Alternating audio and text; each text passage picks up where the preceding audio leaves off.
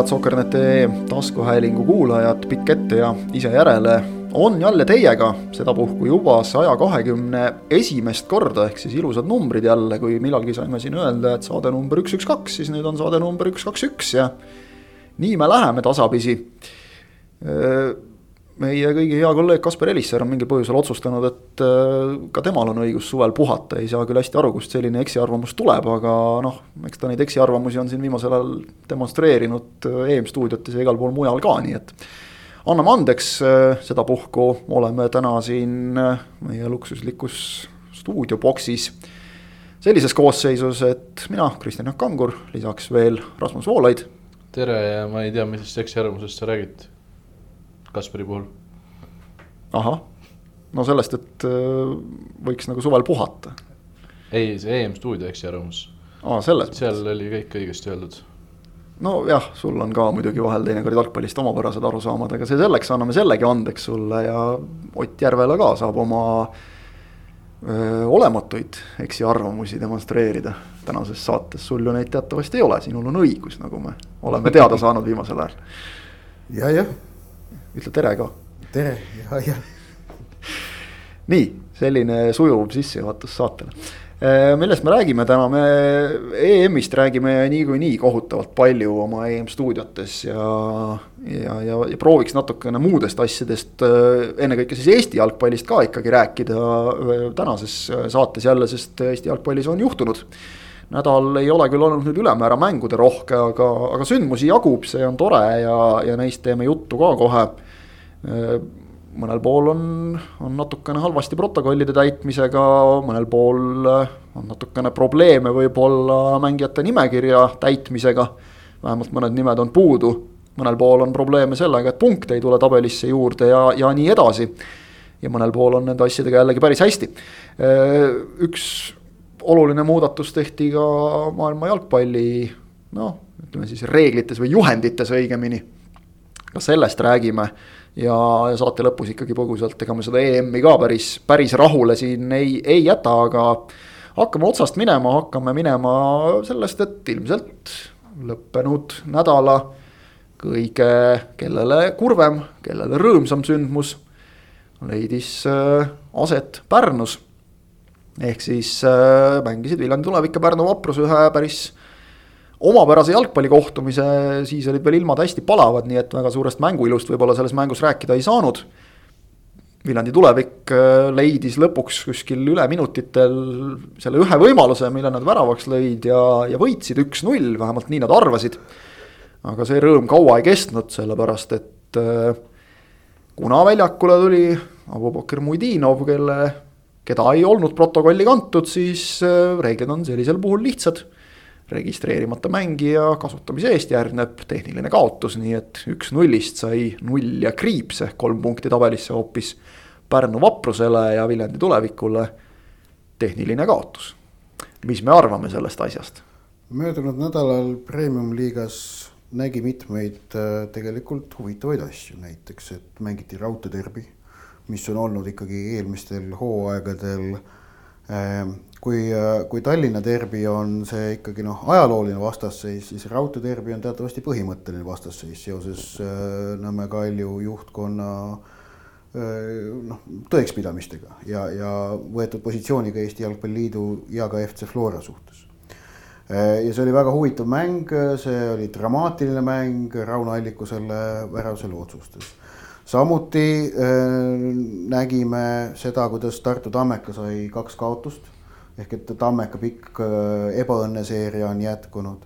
Äh, samuti noh, ma tooksin välja ka selle, et, et jah, et noh, ja, ja ka Paide naasmine nüüd pikemalt pausilt võiduga, ka see oli huvitav. aga kõik, ükski nendest sündmustest ei pälvinud äh, äh, riiklikus spordimeedias noh, mingit sisulist tähelepanu. küll aga pälvis väga suurt tähelepanu see Viljandi tuleviku tühistatud võit ja tehniline kaotus neile, tehniline võit Pärnu vaprusele. mis oli mitte ainult kõikides spordiportaalides väga kõrgel kohal, kui see uudis tuli.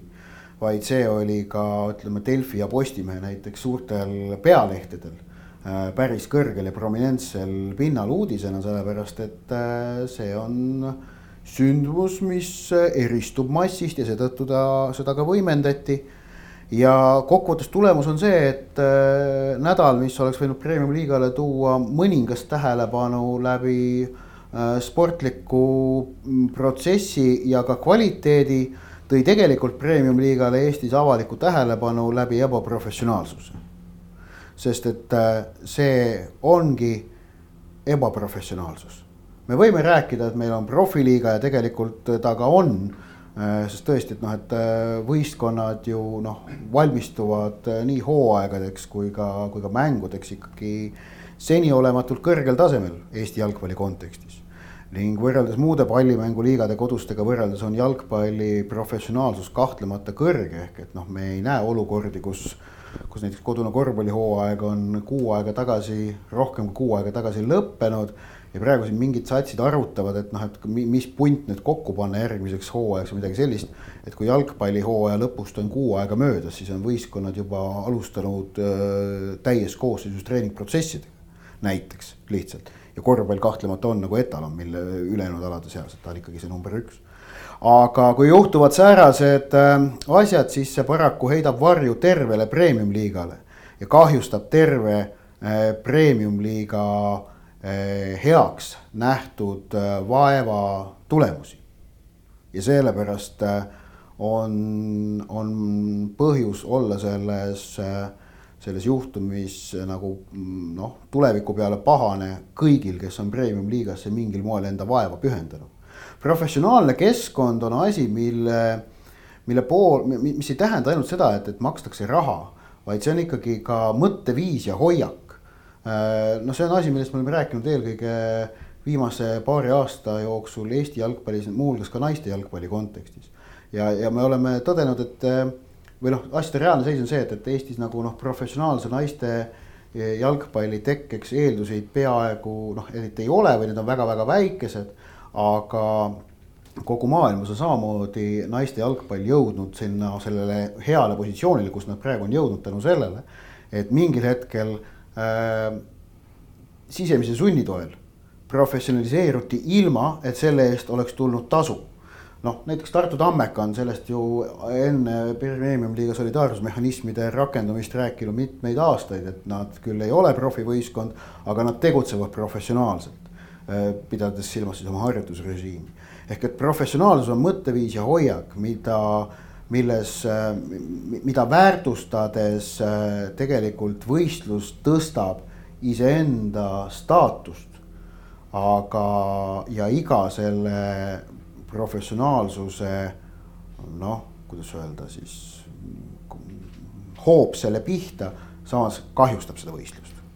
et tegelikult me ei saa ju antud juhul rääkida mitte mingist pahatahtlikkusest, tegu on noh, üsnagi selgelt inimliku eksimusega aga, aga kas siin on äkki taga lihtsalt natukene see, et, et Eesti isegi premium-liiga klubides lihtsalt inimestel on natuke liiga palju ülesandeid. personali nappus ehk on see küsimus või miski muu? no ilmselt see on konkreetselt, seal on mingi mehhanism on jäädud paika panemata, et ehk et loogika ütleb, et on keegi, kes vastutab, aga keegi peab veel nagu topelt vastutama ka, ehk et on noh kuidas öelda, nojah, et, et keegi nagu tekiks äh, järelkontroll ka igaks juhuks, et midagi ei ununeks, on ju. kohtunike ringkondadest on nagu ka tulnud tagasisidet, et noh, selle üle võib, võib vaielda, kas see peaks olema kuidagimoodi neljanda kohtuniku kohustus või noh, ütleme mitte kohustus, aga et, et noh, see, see oleks. see võiks nagu olla see üks see kontrollmehhanism, et selge on see, et, et süüdi on meeskond, kes jättis mängija üles andmata, see on nagu väga selge, siin ei ole nagu vaidlemist aga, aga kas, kas äkki see võiks nagu olla üks noh, see, see, see lisafilter? ei, ma ei näe, et kohtunik, kohtunike süü selles olukorras on null protsenti. täielik räägi..., ei isegi mitte null koma üks, vaid just nimelt täielik null. ma ei räägi isegi süüst, vaid ma just mõtlen nagu seda, et, et see võiks olla see üks filter. no see, kui ikkagi noh mina tahaks nagu, et professionaalses õhk-, keskkonnas kohtunikud ei pea tegelema protokolli kontrollimisega, vaid peaksid tegelema mängu juhtimise ja vilistamisega. Aga neil on ju protokoll olemas. kui neil on olemas protokoll ja näha, et seal ei ole seda vahetusmeest, siis miks nad ei võiks siis öelda klubile, et sa ei saa seda mängijat sisse panna? ma tahan, et kohtunikud keskenduksid nagu tähtsamatele tegevustele, kui seda on protokolli kontrollimine. see on rahvaliiga tase ja mind häiris, et Viljandi tuleviku teates äh, oli, sisaldus varjatud etteheide Maksim Ramazanovi suhtes mind tõsiselt häiris see, see oli ebaõiglane Ramazanovi suhtes. ma saan aru, et seal on ikkagi nagu oli, oli üks põhjus selleks oli see, et, et Ramazanovil noh, ütleme ka ei olnud nagu asjad päris nii korras, nagu oleksid võinud olla. aga, aga see selles mõttes muidugi mõistan sind ka nagu ka, et, et noh, see, et kui ütleme, kaks osapoolt teevad mõlemad vea, siis noh, kas. kas sellele teisele on tingimata vaja alati tähelepanu juhtida, eks see on noh, nagu, nagu me oleme öelnud tihtipeale, et koolkondade küsimus. Et see võib olla ülesanne kohtunikel teises liigas, kolmandas liigas protokolliga tegeleda, kõrgliigas ma ei taha, et kohtunikud tegelevad protokolli kontrollimisega, ma tahan, et nad juhivad mängu ja keskenduvad sellele. ja neljandal kohtunikul on ka lisaks äh, noh, tegelikult noh, ütleme, kui neljas kohtunik teeb oma tööd niimoodi äh, perfektselt siis tal äh, leiab endale väga palju kasulikumat tegevust kui protokollist nimetada. seda, seda muidugi, seda muidugi, tema roll on ka vaadata mängu Just. toimuvat äh,. Viljandi tulevik oli väga valus pauk, sellepärast et äh, noh, tulevik on, on praegu ikkagi madistanud ja nüüd selle tulemuse tõttu, et noh, esiteks see, et no ütleme ikkagi otsene konkurent Vaprus sai, sai kolm punkti juurde tõsi küll, see viga nüüd parandati siin mõned päevad hiljem ja, ja võeti, võeti ise kolm, aga need olid kindlasti mängud, kus tulevik tahtis kuute punkti, mitte ainult kolme punkti. ja, ja ärme unustame seda, et, et kui siin hooaja lõpus läheb ükskõik kellega tulemuste võrdlemiseks, siis tehniline kaotus on kirjas. ehk võrdsete punktide juures, nagu võrdsete punktide juures on sul nii-öelda üks miinuspunkt nüüd kirjas. just sisuliselt sa ei saanud mitte nulli, vaid sa said miinus ühe tegelikult tabelis. käru keeras tulevik sellega noh, endale kindlasti ka, aga, aga ka Tammekale ja Kuressaarele. kellele Pärnu nüüd järele jõudis. kahtlemata, kahtlemata. aga noh, ise nad said vähemalt väikese revanši kätte äh, mõned päevad hiljem peetud kohtumisest, kus siis äh, kolm-üks võideti lõpuks, Vaprust ei tulnud ka kergelt mindi kiirelt ette, aga siis lasti Vaprus seal järele, lasti, eksiti ise penaltil veel. aga lõpuks ikkagi see, see võit ära võeti, et noh, see ilmselt tuleviku jaoks oli, oli mitmes mõttes väga, väga oluline tulemus. aga reedel oligi siis päev, mil korraga mängisid, samal ajal algasid mängud Tammeka Paide ja ka Viljandi Pärnuse teine kohtumine. ja siis, kui Pärnu juhtima läks, siis virtuaalses tabelis langeski Tammeka viimaseks vooru lõpetuseks nad seal ei ole, aga kümme mängu järjest ilma võiduta. natukene nagu nutune. jaa, iseenesest ei peaks ju pöörama väga suurt tähelepanu, kui ühel nädalal kaotatakse Florale ja Paidele. aga kuna sellele oli eelnenud kaheksane kaotuste seeria, oli paus ja pausilt tuldi tagasi ja kaotatakse edasi. mitte kaotuste seeria, vaid võiduta seeria, kus enamused on kaotused siis, siis paratamatult see ikkagi noh, need ei ole lihtsalt kaotused Florale ja kaotused Paidele, vaid need on nagu millegi enama suur osa. kas, kas, kas, kas Tammekal on mõtet muretseda, küsime niimoodi? püsimajäämise pärast? no pigem ei tohiks olla, et noh, et noh, see oleks nagu ikkagi väga ootamatu, kui vaadates võistkondade nimekirju Tammeka suudaks, isegi kui neid tabavad veel sellised vigastused, nagu nüüd on Sander Kapperit jällegi tabanud. et, et Tammeka suudaks vaprusest tahapoole jääda, no see oleks väga üllatav. no ärme Aga..., ärme unustame ka seda, et praegu tõesti on nii, et Kuressaarel punkte kümme, Tammekal üheksa ja Vaprusel kaheksa, aga päris oluline vahe on see, kui me nagu vaatame esimest tulpa tabelis, et äh, Kuressaarel mängija viisteist, Vaprusel neliteist, Tammekal ainult kaksteist. see puhver neil ikkagi veel on ja,. jah, jah aga selge on see, et Tammekas asjad ei toimi. midagi on, midagi on selgelt valesti. kas ei ole sellist põlemist, mis nagu ütleme noh, pigem nagu Kaido Koppeli meeskonda ei iseloomusta. ma ikkagi. sellega seal nagu muret ei ole. nagu näeksin väljaku peal, ma näen, kuidas noh, selline ollakse üksteise suhtes väga-väga nõudlikud ja vajadusel heidetakse ette, vajadusel mitte, aga aga rünnakut kui sellist ei ole, noh, Paide vastu läks mänguks umbes kaheksakümmend pluss hakati lõpuks midagi tegema. Flora vastu, ma nüüd ei mäleta seda esmaspäevast mängu nii hästi selle äh, reedese mängu taustal, aga. no seal oli ah,. see oli see Flora vormistas esimese poolega asjad ära. seal vormistati kolm-null oli seis ja Tammekal ei olnud selleks ajaks mitte ühtegi võimalust olnud ja tegelikult on Tommekal ju olemas äh, Tristan Koskori näol Eesti liiga mõistes vägagi korralik ründaja, kes, kes tegelikult tundub. Paide vastu jumala okei mäng. just, kes tundub, et sel hooajal on, on ka päris heas vormis ja hoos. aga pigem on probleem sellega, et äh, pall ei jõua sinna ette.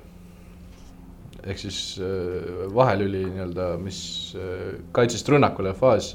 kui rünnakule jõutakse, siis on Koskor olemas, kes Koskor ka Paide vastu tegi ise üsna, üsnagi mitu olukorda, aga palju sinna ette väga ei jõua. Tammeka nagu seikleb mingis labürindis ja no ei leia ega ei leia sealt seda teed välja. et, et noh, no proovitakse nii ja proovitakse naa, aga no mitte kuidagi nagu ei tule välja, kogu aeg on mingisugune sein ees või, või noh no okei okay,, üks sein on olnud kindlasti ka tõesti see, mida Rasmus juba mainis, vigastused, et noh, sellega on olnud Tammekal päris no,. ma toon, ma toon kiirelt siia, kohe, kohe toon näite ka viimane mäng Pink Paide vastu.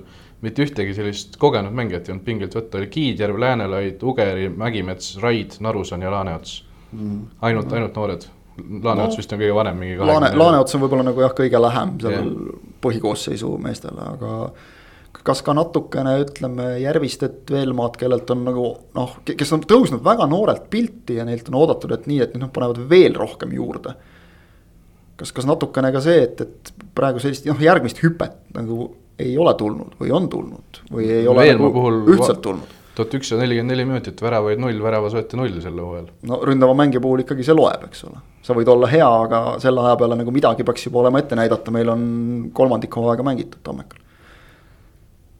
Ehk paljud Tammeka, asjad kokku. Tammeka olukord paneb ikka mõtlema küll, jah et.... paljud asjad kokku vist tundub, et otsest nagu sellist, et nüüd see üks asi paneme sõrme peale, see on valesti, parandame selle ära, no jalgpallis on muidugi harva üldse nii, aga paneb mm, -hmm. paneb nagu mõtlema küll kindlasti jah, et okei okay,, et kui võib-olla Pärnu vaprusest nad nagu jäävad ettepoole, et äh, noh, Kuressaare tulevik tunduvad olema nende kõige selgemad konkurendid. ei lähe lihtsamaks, kui järgmine mäng on Levadia võõrsil, siis on Leegion, siis on Trans, siis on Paide. Jah, sealt saada, eks ole. neljateist peale ei ole välistatud, et minnakse. jah, sealt saada, saada nagu neist neljast mängust, noh kolm-neli punkti oleks juba väga hästi vist tegelikult. no kolm oleks juba väga hästi Paid-, äh, vabandust, Tammeka praegust seisu arvestades ise, isegi üks punkt poleks paha. Kaks oleks väga okei okay,, kolm hea, no noh, tegelikult ongi, et noh, vaata need Tammeka standardid, mida nad oma eelmiste hooaegadel on endale seadnud, need on ikkagi noh, arvestatavad, ma ei saa öelda, et need oleks tingimata kõrged, aga need on arvestatavad. aga nendeni nad praegu ei küüni absoluutselt, mitte mingilgi moel. Ja, ja asi, mis äh, mind äh, Tartu jalgpallisõbrana häirib, on see, et, et äh, ma ei näe selles Tammekas praegu ka sellist piisavalt ambitsiooni. ma ei näe, et see praegune olukord tekitaks seal piisavalt suurt viha, sisemist viha ja et mindaks närvi. et äh, noh, tähendab mingil hetkel on närvi minek nagu halb ja, ja, ja destruktiivne, aga mingil hetkel on sellest ka kasu, aga mul on tunne, et Tammeka võtab nagu liiga flegmaatiliselt seda seisu praegu. No tartlased ongi selline rahulik rahvas tihtipeale, vähemalt eriti kui tallinlased kipuvad seda ütlema. see, mis liikluses näiteks toimub. ja just, et kas see nüüd ka alati nagu tõele vastab, see on nagu omaette teema, et võib-olla on tallinlased liiga närvilised lihtsalt, aga. kusjuures Kasper, kui ta Kasper tuli, Kasperist rääkisime enne, kui Kasper tuli eh, reedel Paide mängu kommenteerima, siis ta oleks peaaegu hiljaks jäänud, sellepärast et ta olevat ummikusse jäänud see on saavutus, see on saavutus Tartus juba. ilmselt sellepärast, et ta tuli, ma arvan, et asi on selles, et Riia maanteed ju ehitatakse seal selle raudteeviaduktiga seoses. et ju ta sinna kuidagi. jah, inimesena, kes üldiselt ise jõuab alati igale poole väga õigeaegselt ja varakult mm,. see oli, see oli ootamatu jah. jah, võin, võin ka imestada natuke sellele, et kuidas siis küll nii juhtus, aga hea küll, jätame enese ja muud irooniat kas, kas Tammeka peaks äkki hakkama mõtlema natukene sellele, et äh, meil läheb suvine aken kohe varsti lahti. ja ma ei mõtle siin Eestist meeste püüdmist, vaid pikalt on aetud seda joont, et me välismaalt ei too.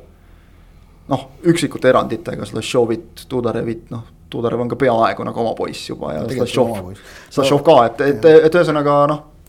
kas, kas peaks nagu vaatama kuskile poole? Aga ainult siis, kui sul on ikkagi kindel kvaliteet, et oleme ausad, äh, noh neid äh, välismaalasi, kes sul kindlasti võistkonnale taset tõstavad, kes mängivad ennast väga selgelt kohe põhikoosseisu. et äh, noh, nende leidmine niivõrd lihtne ka ei ole, et noh.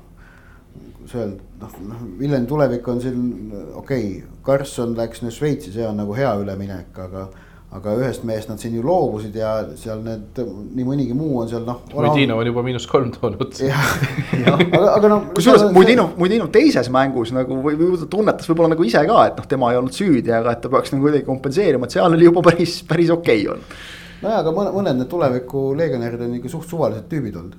no na, na, üks saadeti minema, eks ole, juba Toomi. sellistest ei ole nagu mingit kasu, ka ei oleks Tammekale kasu. Neil oleks kasu umbes sellisest Maximilian Udže tüüpi vennast aga see klass maksab. ja mitte Franklin Okoye tüüpi vennast.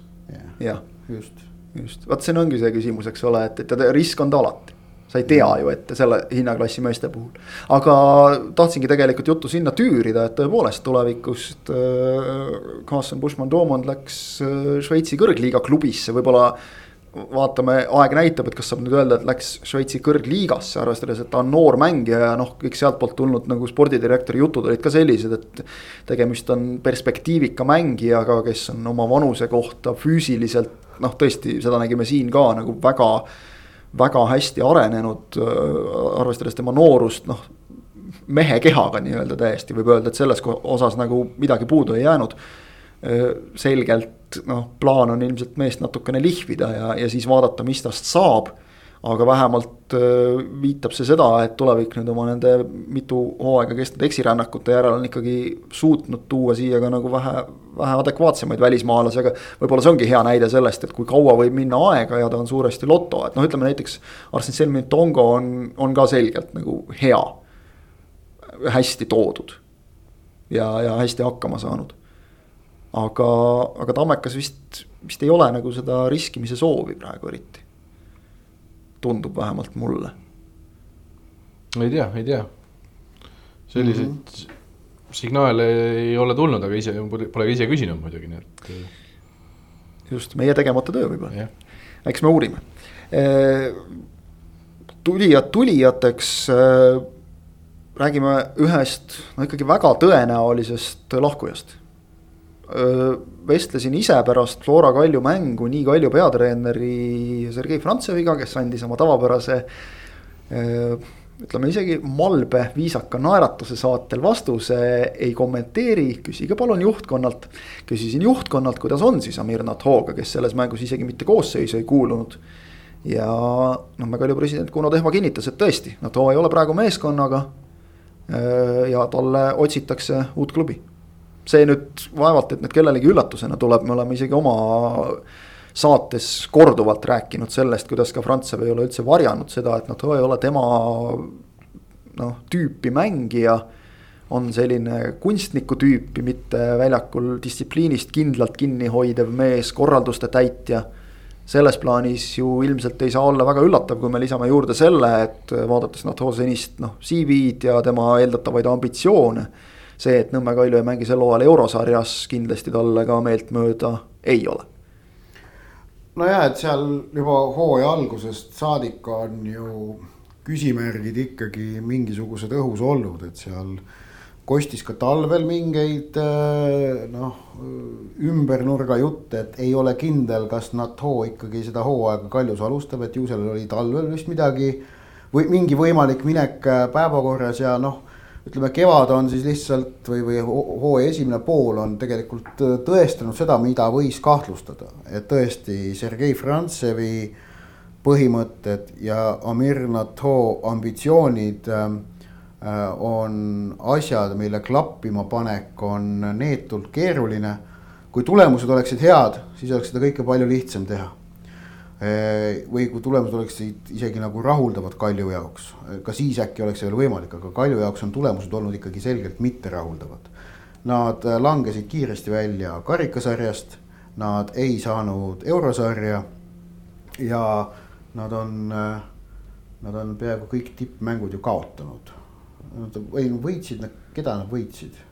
Paidet korra, ei vot nüüd esitad keerulisi võin, võin, võin, võin eksida, aga noh, tegelikult on see, et nad on.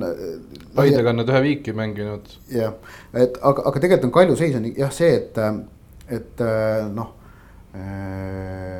Nad ei ole ju esinenud oma ambitsioonidele vastavalt, ehk meil on väga selgelt eelmiste aastate esineliku asemel on meil tänavu kõrgliigas esikolmik. kuhu Kalju, kuhu Kalju ei kuulu, jah, nad ei ole esikolmiku liikmete vastu mitte ühtegi mängu võitnud. tulemused Kalju jaoks on olnud mitterahuldavad ja praegu noh, ütleme nii, et ega selles kahe kange kivi, seal on selge see, et ei Frantsev ei astu oma põhimõtetest tagasi, noh ja, ja miks ta peakski. ja samas noh, keeruline on seda ausalt öelda nõuda ka Amerina Toolt, et noh, et ta, ta, tema nagu jalgpallurina on nagu teist tüüpi jalgpallur. või noh, ta tähendab, ta, ta ongi seda tüüpi jalgpallur, mis ta on, ta ei oleks muidu hea, kui ta oleks, ennast suruks mingitesse teistesse raamidesse.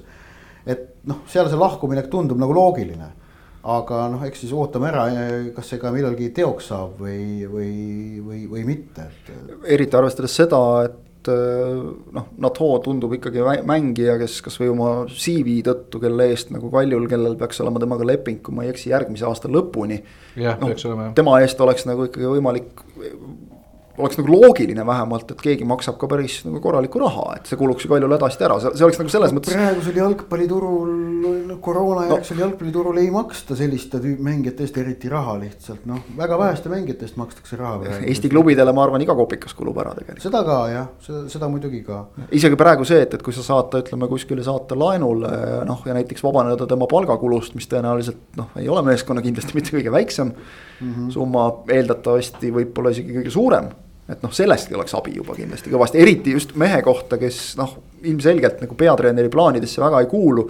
Nad Hoo-sugust meest noh, ei ole mõtet hoida ju varumeeste hulgas. ja, ei seda küll ja noh, kui on kuulda, Maksim Kušev äh, on juba mõnda aega Nõmme Kaljuga harjutanud, siis tegelikult sinna ei ole küll üldse sama tüüpi mängija, aga edurivisse või eesliini siis on nagu noh, asendus põhimõtteliselt ju välja vaadatud. võimalik, et sinna tuleb muidugi veel keegi, aga aga Kuusjev lihtsalt jah, suurendaks äh, Frantsevi käsutuses olevaid op optsioone. noh, seal on, kuidas ta neid liig nuppe liigutab, neid on variante seal siis erinevaid, on ju, aga. Aga... ja, noh, iseenesest Nato puhul, Nato positsiooni arvestades, tema peamist positsiooni arvestades äh, Vladislav Homutov on jällegi terve, et, et noh, põhimõtteliselt nagu. selle koha peal on justkui mees võtta, samas kui vaadata muidugi Homutovi esitust äh, Flora vastu, siis ikkagi meest ei ole. aplaus Rimo Hundile selle noh määratluse eest, kuidas ta seal. jah, see oli ütleme väga palju konkreetsemaks ja resoluutsemaks ei anna minna, kui läks hunt ETV poole, poolaja stuudios või vaheaja stuudios. ja, ja ega ausalt öeldes noh, võib-olla oleks pidanud keegi kiirelt Homotovile sellega ära tõlkima ja kuulata andma, sellepärast et äkki see oleks mingit sportlikku viha tekitanud, ega teda teisel poolel rohkem näha ei olnud seesama mäng äh, Flora Kalju vahel tegelikult, kui vaatasin siin ka, et mismoodi siis äh, Kalju on mänginud äh, suurtega, et ega seal ju suurelt selgelt alla ei ole jäädud. seda nägime ka eelmisel hooajal, et kui muidu nagu mäng ei jooksnud, siis noh, okei okay,, hooaja lõpus tuli see pakk Paidelt ja. ja, ja mingid mängud veel, kus seal ka nagu noh, selgelt alla jäädi, aga, aga suure osa hooajast ikkagi klassivahe nagu oli seal olemas aga suurtes mängudes Kalju suutis hambaid näidata küll, et samamoodi nüüd ka, Sergei no, Kratsevi see, see taktika noh, et kaitses kõva ja siis, siis vaatame, mis seal eespool saab, et tegelikult see päris ajuti halvas Flora mängu päris hästi. ma vaatan praegu lihtsalt äh, mustvalgelt numbreid ja äh, kõik kaotused, mis on tulnud, on olnud üheväravalisi ehk äh, nii-öelda ühtegi sauna, isegi ühtegi kaheväravalist kaotust ei ole saadud. ja noh, see oli ka viimane Flora mäng oli ju selline, kus kaheksakümne viiendal Rauno Alliku lõi. ja kaheksakümne kolmandal umbes löödi, löödi ise ka sulust. jah, ja nüüd siis oli nii, et löödi jah, löödi ise siin jah, sulust värav ja, ja vastu järgmisest rünnakult Allikult vastu ja olemas. Alliku värav on ikkagi selline no see oli, ma, ma ikkagi ütlen selle kohta meisterlik värav, et, et äh, võttis initsiatiivi enda kätte ette ja noh, lõi jõuga selle värava ära tegelikult, see ei olnud noh, mingi teab mis kaunis või graatsiline värav. aga see oli selline tahtejõuga löödud värav ja see muutis selle värava, noh, see oligi selle värava kauniduse sisu äh,. nii et äh, noh, ja, ja see on, see on aga näide nii mängija kvaliteedist kui ka jällegi noh, Flora võistkondlikust kvaliteedist, et leiti see käik üles, Konstantin Vassiljev noh, ei mänginud kuigi, kuigi hästi või noh, mängis, mängis tegelikult päris kehvasti ja välja vahetati. ei olnud äh, üldse mitte õnnelik selle otsuse üle, aga mul tunne, aga kui ma seda tema kehakeelt seal hiljem nagu hakkasin mõtlema, siis mul tunne, et, et seda nagu vahetusse joostes et selle jooksu käigus nagu Vassiljevil jõudis endale kohale, et miks ta välja vahetatakse, et ta nagu enda peas nagu mõtles asjad selle ajaga nagu selgeks, et jah, tegelikult vist ikkagi jah, on no., on, on, nagu, on nagu põhjust küll. kogenud mängija saab aru sellest, kui ei ole ka hea päev, et siis tuleb ja. ennast, nii-öelda ennast ohverdada, aga ma, ma ütleks ausalt öeldes natuke see Alliku värav oli selline võib-olla veidi kõrgelennuliseks lähen nüüd, aga selline Toomas Müllerlik värav, et ja. absoluutselt pole tähtis, et mitu oksakohaga puudet sa teed, kui sa selle palli sisse paned. sellise koha peal siis äh, täiesti ükskõik ja, ja noh, mingil põhjusel äkki siis seetõttu, et Rauno Alliku esimene Eesti kõrgliiga värav veel siis kunagi ammu-ammu Pärnu vapruse särgis sündis just nimelt Nõmme Kalju vastu. aasta oli vist kaks tuhat, kas kaheksa või üheksa, et mm -hmm. äh, hakkas meeldima ja, ja meeldib siiamaani, Alliku on löönud nüüd ühe vapruse eest, ühe Viljandi tuleviku särgis ja, ja kümme tükki Flora särgis Kaljule, see on ikka täiesti hämmastav, kuidas üks mees on nagu tõesti siis. nagu, nagu võib öelda vist floorakate krüptoniit täiesti julgelt, et kui meenutame siin viimaseid aastaid, oli see arvamused seal lahknesid, et kas tegemist oli filigraanse kaarpalliga üle väravavahi või õnneliku juhusega. kusjuures vist õnnelikku juhust mainis Alliku ise ka, aga jällegi vahet ei ole, kuidas see pall sisse läks, peaasi, et ta läks, see oli Hiiul eelmisel aastal nüüd siis sel hooajal võib öelda, et otseselt Alliku väravatest äh, neli punkti võtnud Flora juba, kaks ja kaks. viigi pööranud võiduks. Äh, tundub nagu lihtne, et kui Kaljuga on mäng, siis vaheta Allik õigel hetkel sisse ja nüüd, tuleb. nüüd ta vist on siis kaksteist löönud. kokku kaksteist. kaksteist ja vaatan, ta on kokku üheksakümmend kaheksa löönud. see on päris arvestatav protsent. see on arvestatav protsent niikuinii, aga nagu võtame arvesse ka seda, et tavaliselt lüüakse ju palju, lüüakse väiksematele, kübarad, kübaraid sinna väiksematele, aga ta paneb nii-öelda oma suure rivaali vastu paneb noh, mingi viisteist protsenti oma väravatest. jah, pole paha, öeldakse selle kohta, kui klassikuid tsiteerida ja, ja, ja Floral noh, ikkagi jälle selline klassikaline tugeva meeskonna võit, et mitte kõige muljetavaldavam mäng võib-olla, oli mingeid perioode, kus tegelikult saadi pall väga kiirelt liikuma, et, et see noh, arvestades seda, et, et nüüd on mäng Paidega ja siis tuleb Euroopas mängida. et, et see oli kindlasti ülimalt oluline, et noh, tunnistas ka Jürgen Henn, et temal on ju alati, kui on koondise paus, siis on pärast see probleem, et. et, et tema peab nagu selle pundi jälle kokku sulatama. seal tullakse ju väga erinevate koormuste pealt, mõni on koondises mänginud, mõni on koondises istunud. teised Floral, on siin koos trenni lõhkunud teha. Floral üldse rütmiga on ikkagi seis väga halb, sest et äh, kõik need isolatsioonid äh, lõhkusid nende hooaja loo-, natukenegi loogilise rütmi ära koondise pausi järel nad pidid kolm päeva pärast koondise pausi pidama ka ühe liigamängu järele, Vaprusega oli vist on ju. jah, esimene Vaprusega jah. siis oli nagu nädal aega vahet, aga noh, mis, mis puhkust sa seal väga ikka pead, kui sa pead kohe ikkagi uuesti Tammekaga mängima. nüüd siis see mäng Kaljuga jah, et nüüd, nüüd, nüüd no, ja midagi mõeldes Flora eurosarja Äh, peale, mis on nagu noh, samamoodi me mõtleme ka Levadia ja Paide eurosarjade peale, sellepärast et äh, noh, tahaks, et kõikidel Eesti klubidel läheks hästi. ja see on ka Eesti jalgpalli jaoks tähtis ja, ja ka premium-liiga maine jaoks tähtis. siis äh, noh, Floral on selles mõttes jah, see rütm, mille pealt nad sinna lähevad, ei ole kõige üldse mitte lihtsam aga jah, see mäng Paidega vast äh, suudaks asjad nagu paika loksutada. mõlema jaoks tähtis, eks ole, just, et saadakse selline, selline korralik mäng ja noh, vaatan, et Levadial on, on, on mäng Tammekaga. Neil võib-olla selles mõttes siis nagu kõige, ma ei tea, kas saab öelda keerulisem, aga. aga et noh, seda mainis küll Jürgen Henn, et need vahepealsed mängud tõesti, nad olid siin äh, Floral noh, tulid nagu natukene kergemini, okei okay,, ütleme see võib-olla see Tartus peetud Tammeka mäng, noh, sellest ei ole nagu väga mõtet rääkida, seal tõesti oli nii, et. kui, kui sa ikkagi Rauno Sappineni näitel lööd värava ja siis kasutad äh, suurepärast avanenud võimalust tähistamiseks. Äh, selle kaudu, et saad korraks käed põlvedele panna. algul oli ikkagi see Kriismanni tants ka no ja natuke oli. kaks sekundit tantsu ja kümme sekundit käed põlve. ja siis sai vist aru nagu ka, et see pole energia kulutamise koht praegu päris, aga.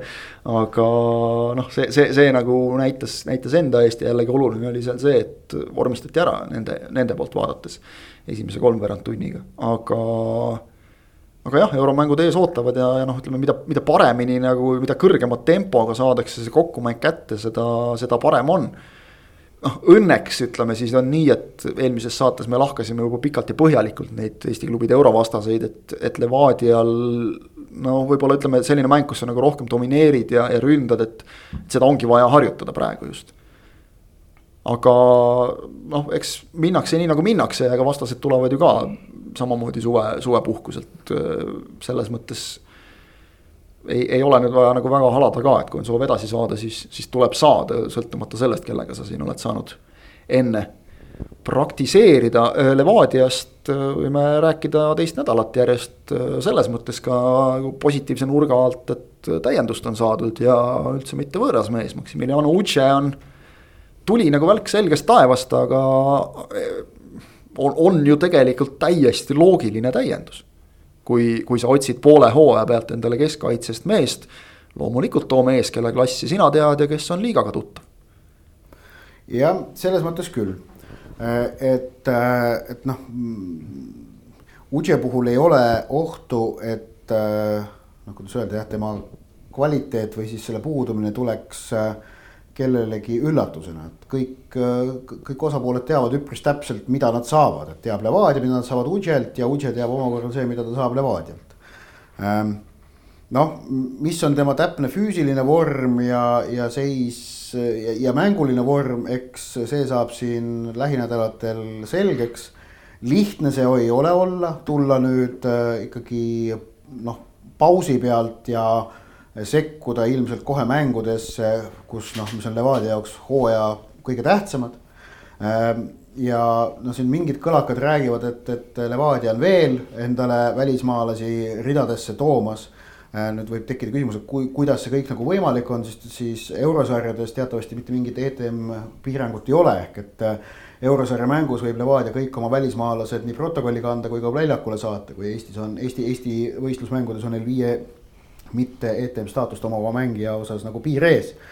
et, et nad võivad seda endale lubada, samas seis on ka see, et, et üle kaheksa välismaalase nad endale ikkagi klubisse nagu registreerida ei saa Eesti võistlusteks.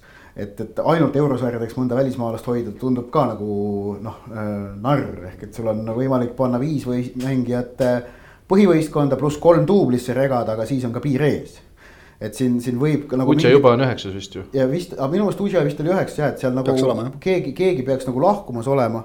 kui tuuakse juurde veel mõni ründaja ja noh, jutud on, et üks, üks, üks ründaja võimalik, et on nagu liitumas Levadiaga, noh siis on, ütleb loogika, et Kristevskil on minek. kes noh, on olnud äh,, julgeksin öelda veel kehvem kui Jevgeni Budnik on ju kes siin. jah, pole mingi... penaltitki sisse löönud. ja, ja, ja Manutšoga võrreldes noh okei okay,, jah, Manucci'st ikka parem. Manucci tegi ühe hea mängu eelmine aasta ja see oli eurosarja mäng. aga sa said ikkagi peksa lõpuks. ja, ja just, et, et, et. Äh, vaatasin huvi pärast järele, kui sa Ucet mainisid, et Uce mängis viimati siis äh, pärast äh, Nõmme Kaljust lahkumist läks ta seeriat C-sse. ehk siis Itaalia tugevuselt kolmandasse liigasse ja, ja on seal mänginud, mängis Cozzano eest, mängis Kubio eest, selline toreda nimega, jälle saame Itaaliat avastada, toreda nimega sats kakskümmend viis mängu kõik algkoosseisus esimesel hooajal, kolmkümmend kolm mängu kõik algkoosseisus teisel hooajal ehk nagu mängupraktikas küsimust ei ole, küll aga on nüüd konks selles. et Uche viimane mäng kahekümne viiendal aprillil. ehk kaks kuud. kaks kuud ikkagi pausi, noh, tegu on, on professionaalse mängijaga kindlasti on ta ennast vormis hoidnud, aga nagu mängupraktikat see ju ikkagi ei asenda. ja samas eurosarja mängude kogemused ja eurosarja mängude võitmise kogemused, see kõik on temal olemas äh, Nõmme Kalju aegadest ka. et, et kui Kalju seal Euroopas tegusid tegi, ega Uche roll ei olnud väike.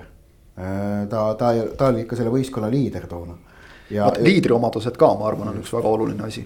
tal on ju seal tuttavaid nägusid ees juba, eks ole, Robert Kirst tuleb esimesena pähe, et, et noh, ta, ta peaks üldiselt nagu noh.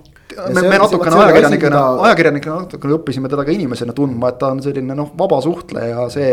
see, ma arvan, kindlasti on nagu väga oluline, mida vaadata. seda liidrit praegu ju Levadia kaitseliinis äh, pärast Pajenko lahkumist ei ole, Dolordava ei ole liider, Podholjuzin ei ole liider Äh, Ilitš äärekaitse kohalt ei ole liider ja teistel äärekaitsjatel ei lasta olla liidrit, sest neid vahetatakse niivõrd äh, sagedasti. Rasmus Peetsonil ma vaatasin, mõtlesin, et äkki temast nüüd hakatakse seal ikkagi keskkaitses nagu noh, teda keskkaitsjana nägemagi ja temast seeläbi liidrit äh, noh kasvatama, sest temal on need omadused olemas, aga nüüd Udže värbamine viitab, et vist ikkagi mitte. Ähm, Äh, ning, äh, ning kusjuures jah, et Pajenko mul on tunne, et Pajenko liidriomadused väljendusid eelkõige nagu tema selles jah, CV-s, mitte nagu isikulistes omadustes tingimata mitte väga nii palju. Udžel on need mõlemad lahtrid täidetud, et selles mõttes ta on kahtlemata hea tüüp sinna tal on äh, olemas noh, Kaljust selgelt nagu kogemused ka sellega, kuidas nagu töötada koos ja edukalt koos äh, slaavi jalgpalluritega. Samas tal on noh, kogu selge nagu Lääne-Euroopa taust olemas. ehk et ta nagu suudab, äkki ta suudab ka nagu kogu seda Levadiat veidikene sulatada seal väljaku sees ja võistkonna sees kokku. ja isegi kui see Podholjuzin on ju noh, väga-väga kindel põhikoosseisu mees, siis tõesti ta ei ole kunagi olnud selline ise selline natuurilt liider ja tal on alati olnud kõrval mingisugused Ossipovid või, või Bajenkot seast ja ma arvan, et see Podoljuzin, Uche paar teoorias võiks töötada küll. No see on see klassikaline näide sellest, et kuidas mängija on noh, oma töökuselt ja kõigelt sellelt nagu võib nagu olla eeskujuks, aga, aga kui sul ikka nagu iseloomuomadustes. see peab ise tulema. just täpselt, et seda vägisi ei saa teha, et ma äh, ei ole nagu automaatselt seda, et ma võtan kõik teised kaasa ja lähme koos et, et siis seda nagu vägisi, kui seda vägisi hakata tegema, siis üldiselt see teeb asja ainult hullemaks. Eesti klubid Euroopas, üks oluline asi muudut-, mõjutab ja, ja võib-olla ka muudab midagi natukene nende jaoks võõrsil löödud väravareeglit.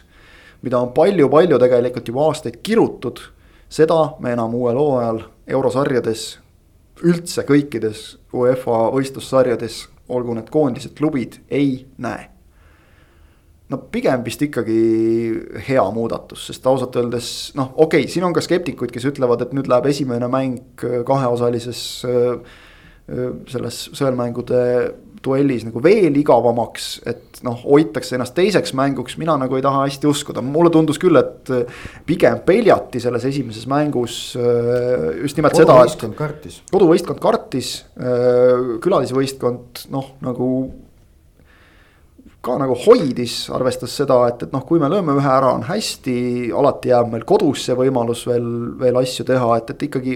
ei, ei olnud nagu sellest ka kasu, et muidu võiks veel nagu mõelda sedapidi, et, et okei okay,, et me peame siin ära lööma, sest kui nemad meile löövad meie kodus. siis on meil raske, see nagu ka ei töötanud kuidagi. ma, küll ei usu, et nüüd nagu hullemaks veel saab minna, et kui ikkagi kaks meeskonda on nagu otsustanud, et mängime esimese mängu null nulli peale, noh siis. seal võib reegel olla ükskõik milline, sinna nagu ei, sellest ei pääse kuidagi aga kui me toome näiteks äh, näite, mida ütles Jürgen Henn, et tahaks esimeses mängus mängida kodus ründavamalt, julgemalt, siis seda see praegu selgelt soosib, sest sa ei pea põdema, et mis saab siis, kui meie lööme näiteks kaks, aga nemad löövad ühe mm. -hmm. ja ei, mina olen juba mõnda aega selle reegli vastane olnud ja, ja selles mõttes tervitan kahe käega, et see reegel nüüd tühistati, ma saan aru vastuargumentidest, aga need ei veena mind ning, äh, ning äh, tegelikult äh, UEFA seda otsust põhjendades noh, sõnastas ära kenasti ka selle põhilise asjaolu, et selle koduväljaku eelise roll on võrreldes selle reegli algusaegadega ikkagi tohutult muutunud no,. ja, ja see on ka põhjus, miks tegelikult see võõrsilöödu värava reegel, ta ei ole enam lihtsalt asjakohane, ta ei ole kaasaegsele jalgpallile asjakohane. ehk et see reegel pärineb ikkagi ajast, kus võõrsil mäng oligi äh, sõit ja reis tundmatusse keskkonda. praegu see enam nii ei ole sul on võistkond, äh, vastasvõistkond läbinisti läbi skauditud, nähtud kõik nende mängud videost üle vaadatud. Äh, väljakud on standardiseeritud, selles mõttes, et noh, sul on, väljakutel on ikkagi kindlad nõudmised, isegi kui sa lähed kunstmurule, siis ka see peab vastama teatud FIFA nõudmistele. jah, seal võivad noh, mingid väiksemad üllatused võivad ikka oodata aga, aga, aga noh, suures plaanis mitte, noh sellist asja, sellist asja nagu, nagu oli kuuekümnendatel, kui see reegel tuli. noh kaugel, kaugel sellest, et, et seda ei ole nagu vaja see toob kaasa noh, ilmselt tähendab see nüüd lihtsalt on ju rohkem lisaaegasid ja, ja ka penaltiseerijaid. aga samas ka need lisaajad jällegi no ma julgen, tahaks loota, et need on nagu avatumad jällegi, et, et, et seal nagu mõlemad julgevad nüüd rohkem rünnata. no ja võiks ju ka nii võtta, et arvestades praegust ikkagi väga tihedat mängude graafikut, et kes nagu ikka tahab sinna lisaajale seda mängu nii väga lasta ja, ja penaltite peale. üks kolmkümmend minutit juurde, no see on mingi noh, nii suur traagika ka ei ole, ma ütleks. minu arust äh, sel aastal muutus kohati see võõrsil löödud väravareegel ikka täiesti naerualuseks kui naeruväärseks kui oli vist a la mingi See- Liverpool Leipzig panid umbes kaks mängu panid kaks mängu. Budapestis ja mõlemal oli võõrsil löödud värav ka. kuigi kummalgi ei olnud koduväljakut. jah, vot tahtsingi just seda öelda, et, et see, see kummaline aasta, mis on meil selja taha jäänud, et noh, see nagu näitas eriti hästi ära, et see on ju tegelikult totter. ja noh, me ei saa välistada, et, et selliseid mängude liigutamisi võib ka veel eesoleval ütleme siis sügis, sügistalvisel, kevadisel perioodil ette tulla. minu arust ka keegi pani veel kuskil Sevillas vist pani ka oma mänge või midagi, midagi oli Neid mänge oli päris just, just mitu jah. Euroopa liigas eriti oli neid palju, kus noh, mänge oli palju ja neid oli vaja liigutada ja, ja siis liigutatigi niimoodi, et olid täpselt Budapest oli üks koht, Sevilla oli üks koht, kus mängiti päris palju ja. ja nii edasi, et, et noh, see, see muutus nagu täiesti mõttetuks, aga jah. aga eri- eriti kui mõlemad mängud kummalgi oli kodus, aga, aga see reegel ikkagi on. see, see vist oligi kõige kurioossem oli just nimelt see, see Liverpooli ja, ja Leipzigi paar, et mängivad samal staadionil ilma publikuta ka veel, kummalgi mitte mingit eelist ei ole. noh, sisuliselt isegi noh, Euroopa mõistes ju reisitakse enam-vähem sama kaugelt kohale, et, et noh, kas sa nüüd tuled Saksamaalt või Inglismaalt, no mis vahet seal on. ja, ja, ja siis nagu loeb mingi värav, mis noh, tegelikult ei peaks ju lugema kui siin on ka öeldud, et, et noh, Eesti klubidel on, on miskipärast nagu arvamus, selline puusalt pakutud arvamus läbi käinud, et. Et Eesti klubidele see just ka ajalooliselt on, on pigem nüüd nagu halb, sest et me oleme saanud kuidagi edasi. ei ole tegelikult rohkem, et äh, kuldaväärt statistik Mati Kesaväli on kokku löönud äh, ja seitse-neli või siis noh, neli-seitse, et, et neli korda on saadud tänu sellele edasi ja, ja seitse korda on, on saadud tappa ja välja kukutud. samas, samas see statistika muidugi ei räägi kogu tõde sellest võõrsilöödu väravate reegli mõjust. Sellepärast, et äh, noh, see reegel on mõjutanud mänge ka muul moel ja noh, Muidugi. toonud kaasa mingeid, noh. no, no seesama, seesama mänguloogika, et, et esimeses mängus noh, kas külalised ründavad või mitte, eks ole, et, et me, me Floralgi on siin ju näiteks olnud koduvõite, kus siis pärast on. on võõrsil kaotatud just selle tõttu, et kodus lasti värav lüüa endale, aga me ei tea, mismoodi oleks mänginud külalismeeskond siis, kui. kui oleks olnud reegel teistmoodi, eks ole. aga, aga praegu noh, näiteks ongi nii, et Floral on ühel korral kolmest ja, ja Levadial lausa ühel korral viiest on siis õnnestunud selle reegliga edasi pääseda. võrreldes siis need ülejäänud öö, kaks ja, ja neli korda vastavalt, kus on selle reegli alusel välja langetud, et öö, et, et sellest nagu jah, suuri, suuri järeldusi ilmselt ei ole teha mõtet, umbes, et oot, küll, küll, küll meil nüüd hakkab minema. et noh, ise pead ikkagi mees olema, aga jah, see, et, et kui sa varem said nagu kodumängu esimesena, siis see oli nagu pigem halb. sest et see jättis kuidagi nagu see riski üles, nüüd on ju tegelikult noh, ütleme kasvõi näiteks Levadial, kes isegi ei ole saladust teinud, et noh soov oleks teha kodumänguga vähemalt endale nagu hea edu ette, sul on võõrsile mõnusam sõita ja see on, on nüüd ütleme natuke nagu võimalikum. mm. -hmm. või no üks, üks näide, kuidas nagu hea näide, mis mul on meeles ikka, kuidas nagu võõrsil löödud värav Eesti klubi jaoks sellise nagu lootuse ära tappis. kuigi noh, ametlikult see kirja ei läinud võõrsil löödud värav kaotusena, oli see, kui Flora mängis äh, Tom Žalega, see oli siis kaks tuhat seitseteist. võõrsil kaotati null kaks, okei okay,, selge kaotus tuldi koju, mindi kiirelt kaks-null juhtima, Beglarashvili lõi kohe esimesel minutil vaata selle Imevärava. ääre pealt äh, tühja väravasse, kust väravaht oli välja tulnud ja siis äh, kas oli äkki Ainsalu pani, pani mingist kontrast kaks-nulli ja noh, kokkuvõttes viigis, aga enne vaheaega lõid Sloveenid ühe tagasi ja see tähendas, et Floral oli kohe veel kahte vaja. ja, ja noh, no see võttis kogu auru sellest mängust välja, noh tappis selle põnevuse ja, ja noh, ei olnud hea, ei ütleme. olnud hea jah, just ja selliseid mänge oleme ju veel näinud ka, et kus mäng sureb hoobilt ära pärast seda, kui tegelikult nagu skoori mõttes on vahe üks värav, aga tegelikult teab või no Levadia üle-eelmine meeskond. aasta selle Stjarnanile, noh, see oli ka no absurd ju tegelikult, et see sada, mängitakse kakssada kümme minutit, mõlemad löövad neli väravat, aga üks läheb edasi. noh, sest et äh, lisaajal Stjarnan lõi, lõi, lõi ka veel ühe. vot see jääb nüüd nagu, eks ole, et, et kui läheb lisaajale, siis on äh, teist mängu võõrsil mängival meeskonnal noh, nagu aega, eks ole, lüüa rohkem, see oli nagu ka see teema, mis nagu oli veel kuidagi ja mis segas, noh nüüd on, nüüd on nüüd see, et nüüd on lihtsalt see, et kes nagu teise mängu kodus saab mängida, see saab lisaaja eelise endal koju, aga noh, see lisaajal mingit võõrsilöödu väravate reeglit see ei ole mingisugune eelis ka, kui teine meeskond juba üheksakümmend on mänginud sinu kodus. Ja ei no Et see noh- on, see on nagu loosiõnn noh, see, see ongi nagu loosiõnn, et, et seal nagu, see on nagu okei. Mina sellest enam nagu mingit numbrit ei tee, kui, kui ei nagu, mulle nagu tundubki just, et enne, enne paned ühe oli soojaga paned samal väljakul edasi, no see ei ole ju enam nagu, et nüüd, nüüd nüüd on noh, see, see on nagu selline paratamatus, et noh, kellegi kodus tuleb see lisaaeg ära mängida ju, et muidugi siis noh, võime juba minna edasi, et lähme penalteid lööma ja siis tekib see omakorda, et oot-oot-oot, aga miks me teie nagu fännide eest saame siin penalteid lüüa ja meil, meil ju seda võimalust ei olnud, et noh, nii. täielikku võrdsust ei, ei saa. see nagu läheb, läheb juba imelikuks. Läheb absurdi. räägime siis EM-ist ka ikkagi natukene. et äh, meil on nüüd selged kaheksast neli. ja kõige suurem üllatus ilmselt on see, et, et seal ei ole Hollandit kuigi nüüd noh, Tšehhi võitu Hollandi üle ei saanud ka mingiks nagu šokktulemuseks pidada, aga. aga, aga Hollandile maksis kätte ikkagi see, mida tegelikult ennustati enne turniiri ja, ja see hirm, mis võib-olla nagu natukene kahanes äh, kolme alagrupi mängu ja kolme võidu toel. kuigi jällegi targemad pead teadsid mainida juba ja, ja ausalt öeldes tunnetasin seda ka ise, et, et ega see Hollandi mäng liiga veenev ei olnud. aga küll. see, et, et nüüd ikkagi isegi Matiste Lihti punasest kaardist hoolimata Holland nii hädine oli. no see ikkagi viitab sellele, et noh kindlasti hollandlased on nukrad praegu, aga, aga pikas plaanis ma arvan, see tuli neile kasuks, et nüüd on ikka päris selge, et Frank de Boerist nad saavad lahti ja äkki saavad ühe päris peatreeneri ka endale. jah, de Boer vaata võistkonna kvaliteet tuleb välja keerulistes olukordades. Holland sattus De Lichti eemaldamisega keerulisse olukorda. ja kukkus selle surve all kokku, siis jäädi kaotusseisu. ja noh, kukkus kokku ja jäi kaotusseisu, see oli siis nüüd jah, veel keerulisem olukord. aga no ütleme nii, et sul on kakskümmend minutit aega, sul oli päris palju fänne staadionil yeah.. Äh, sul oli noh, hulganisti vahetusi alles. jah, on küll arvuline vähemus, jah, on küll kaotusseis. no see ei ole asi, millest nagu jalgpallis on võimatu välja tulla ja, ja aga ja tähtis on nüüd see, et, et mitte ainult, et Holland ei suutnud sellest välja tulla. Nad ei suutnud tolles olukorras isegi koostada mingit arusaadavat sidusat plaani, kuidas nad prooviksid sealt välja tulla.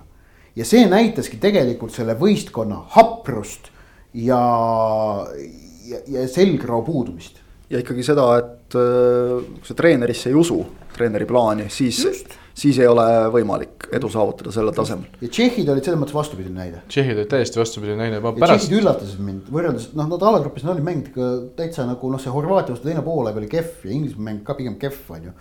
Nad olid praegu hoopis parem. ja šotid olid, nende vastu olid päris head jällegi aga pärast mängu kuskil paar tundi hiljem hakkasin mõtlema, et äh, Hollandi liidrid kadusid ka täiesti ära pärast seda vähemusjäämist Georgina Wijnaldumit.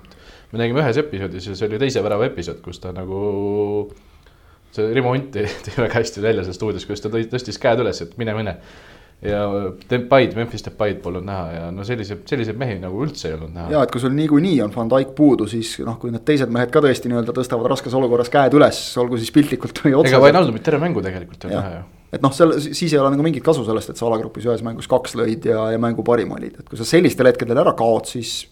siis ei olegi nagu Aga midagi parata et kas hollandlastel mulle tundub, et natukene noh, nagu noh, neile käib ilmselgelt nagu väga, väga tugevalt rahvusliku au pihta käiks see, kui nad äh, tooksid välistreeneri. et on nagu selgelt seda joont hoitud, et, et noh, meil ometigi me oleme jalgpalliriik ja meil on omad treenerid, aga nüüd nad tegelikult astusidki selle reha otsa, et äh, Kuumani lahkumise järel head treenerit võtta ei olnud, Den Haag ei tahtnud tulla noh, Peter Bossile mingil põhjusel vist ei tehtud ettepanekutki, et see oli nagu natukene kummaline.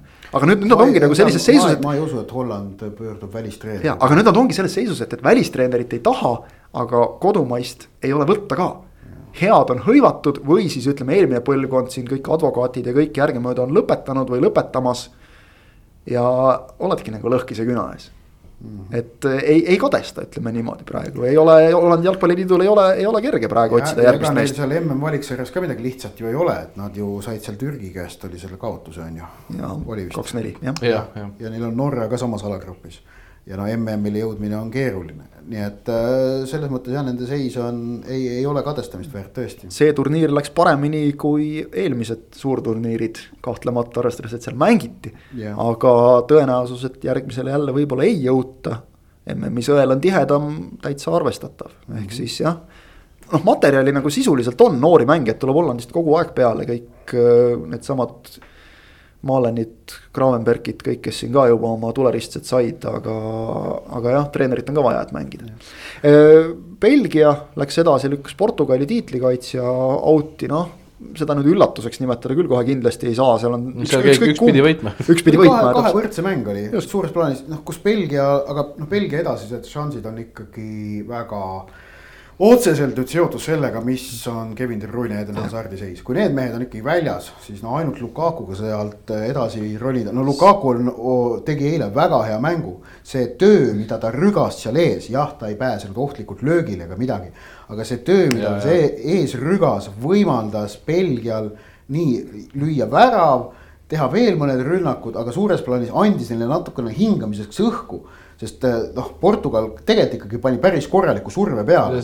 Nad said Lukaku peale ette pikka panna ja. kaitsest ja, ja seal palli natukeseks ajaks ainult ette. Belgia koondis on õppinud, õppinud väga hästi mängima Lukaku tugevustel, et ja. seda näiteks Manchester United ei suutnud, Inter suutis, noh. Lukaku vajab nagu sellist väga selget tema trumpe toetavat mänguplaani, see on Belgial olemas, aga jah, seda me nägime tegelikult Taani vastu juba, kus De Bruyne tuli vahetusest ja noh, muutis kohe mängu ikkagi Belgia meeskond De Bruyne'ga ja ilma on kaks üsna erinevat satsi. kas Hazard oli eile juba päris hea?